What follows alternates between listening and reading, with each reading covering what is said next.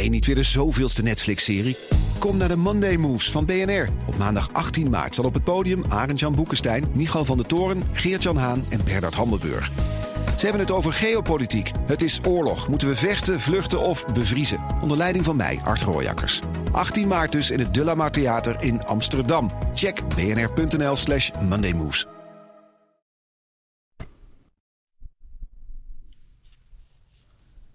Frans Klein mag 532 miljoen euro belastinggeld per jaar stuk gooien op 9000 uur televisie.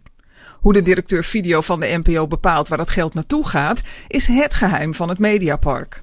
Journalist Mark Koster, die Klein mocht grillen tijdens operatie Interview in de Bali dit weekend, probeert zicht te krijgen op de routes die de geldstromen in Hilversum afleggen.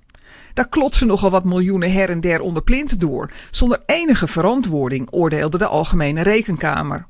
Het totale budget van de NPO, bijna 1 miljard euro, wordt volgens de cijferaars vrij willekeurig en niet doelmatig uitgegeven. Koster constateerde na zijn ondervraging in de Bali dat er nauwelijks controle is op de keuzes die Klein maakt. De NPO-baas doet alles op intuïtie, onderbuik, zo u wilt. Maar dat woord is veel te ordinair voor mensen in de bovenlaag van de samenleving, waar Klein zichzelf toe rekent. De onderbuik, dat is meer iets van Arnold Karskens en zijn omroep Ongehoord Nederland, waar Klein vanaf januari 2022 ook een paar miljoen naartoe moet schuiven, nu minister Slop de omroep heeft toegelaten tot het bestel. Dat is Klein niet van plan, week zondag. Hij gierde het uit toen NRC-journalist Wilfred Takke opzomde waar het clubje van Karskens volgens hem uit bestaat. Racisten, klimaatontkenners, journalistenhaters. Nederland zit er maar mooi mee, vond Takke. Dat vond Klein ook.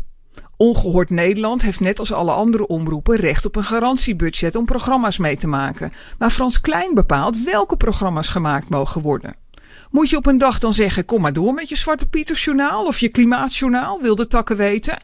Wel nee, stelde Klein hem gerust. We gaan gewoon een beetje in gesprek over de richting die Ongehoord Nederland moet kiezen om op zender te komen. Maar in het allerergste geval krijgt hij gewoon nul programma's. Aan het gezicht van Klein was duidelijk af te lezen dat Karskens afstevend op het allerergste geval.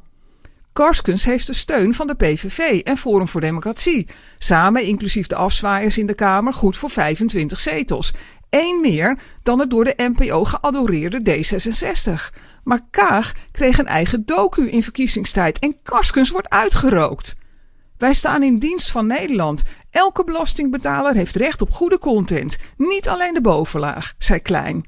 Hij loog, iedereen zag het en niemand kan er wat aan doen.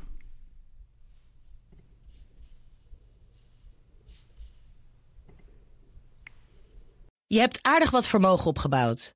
En daar zit je dan, met je ton op de bank. Wel een beetje saai, hè? Wil jij, als belegger, onderdeel zijn van het verleden of van de toekomst?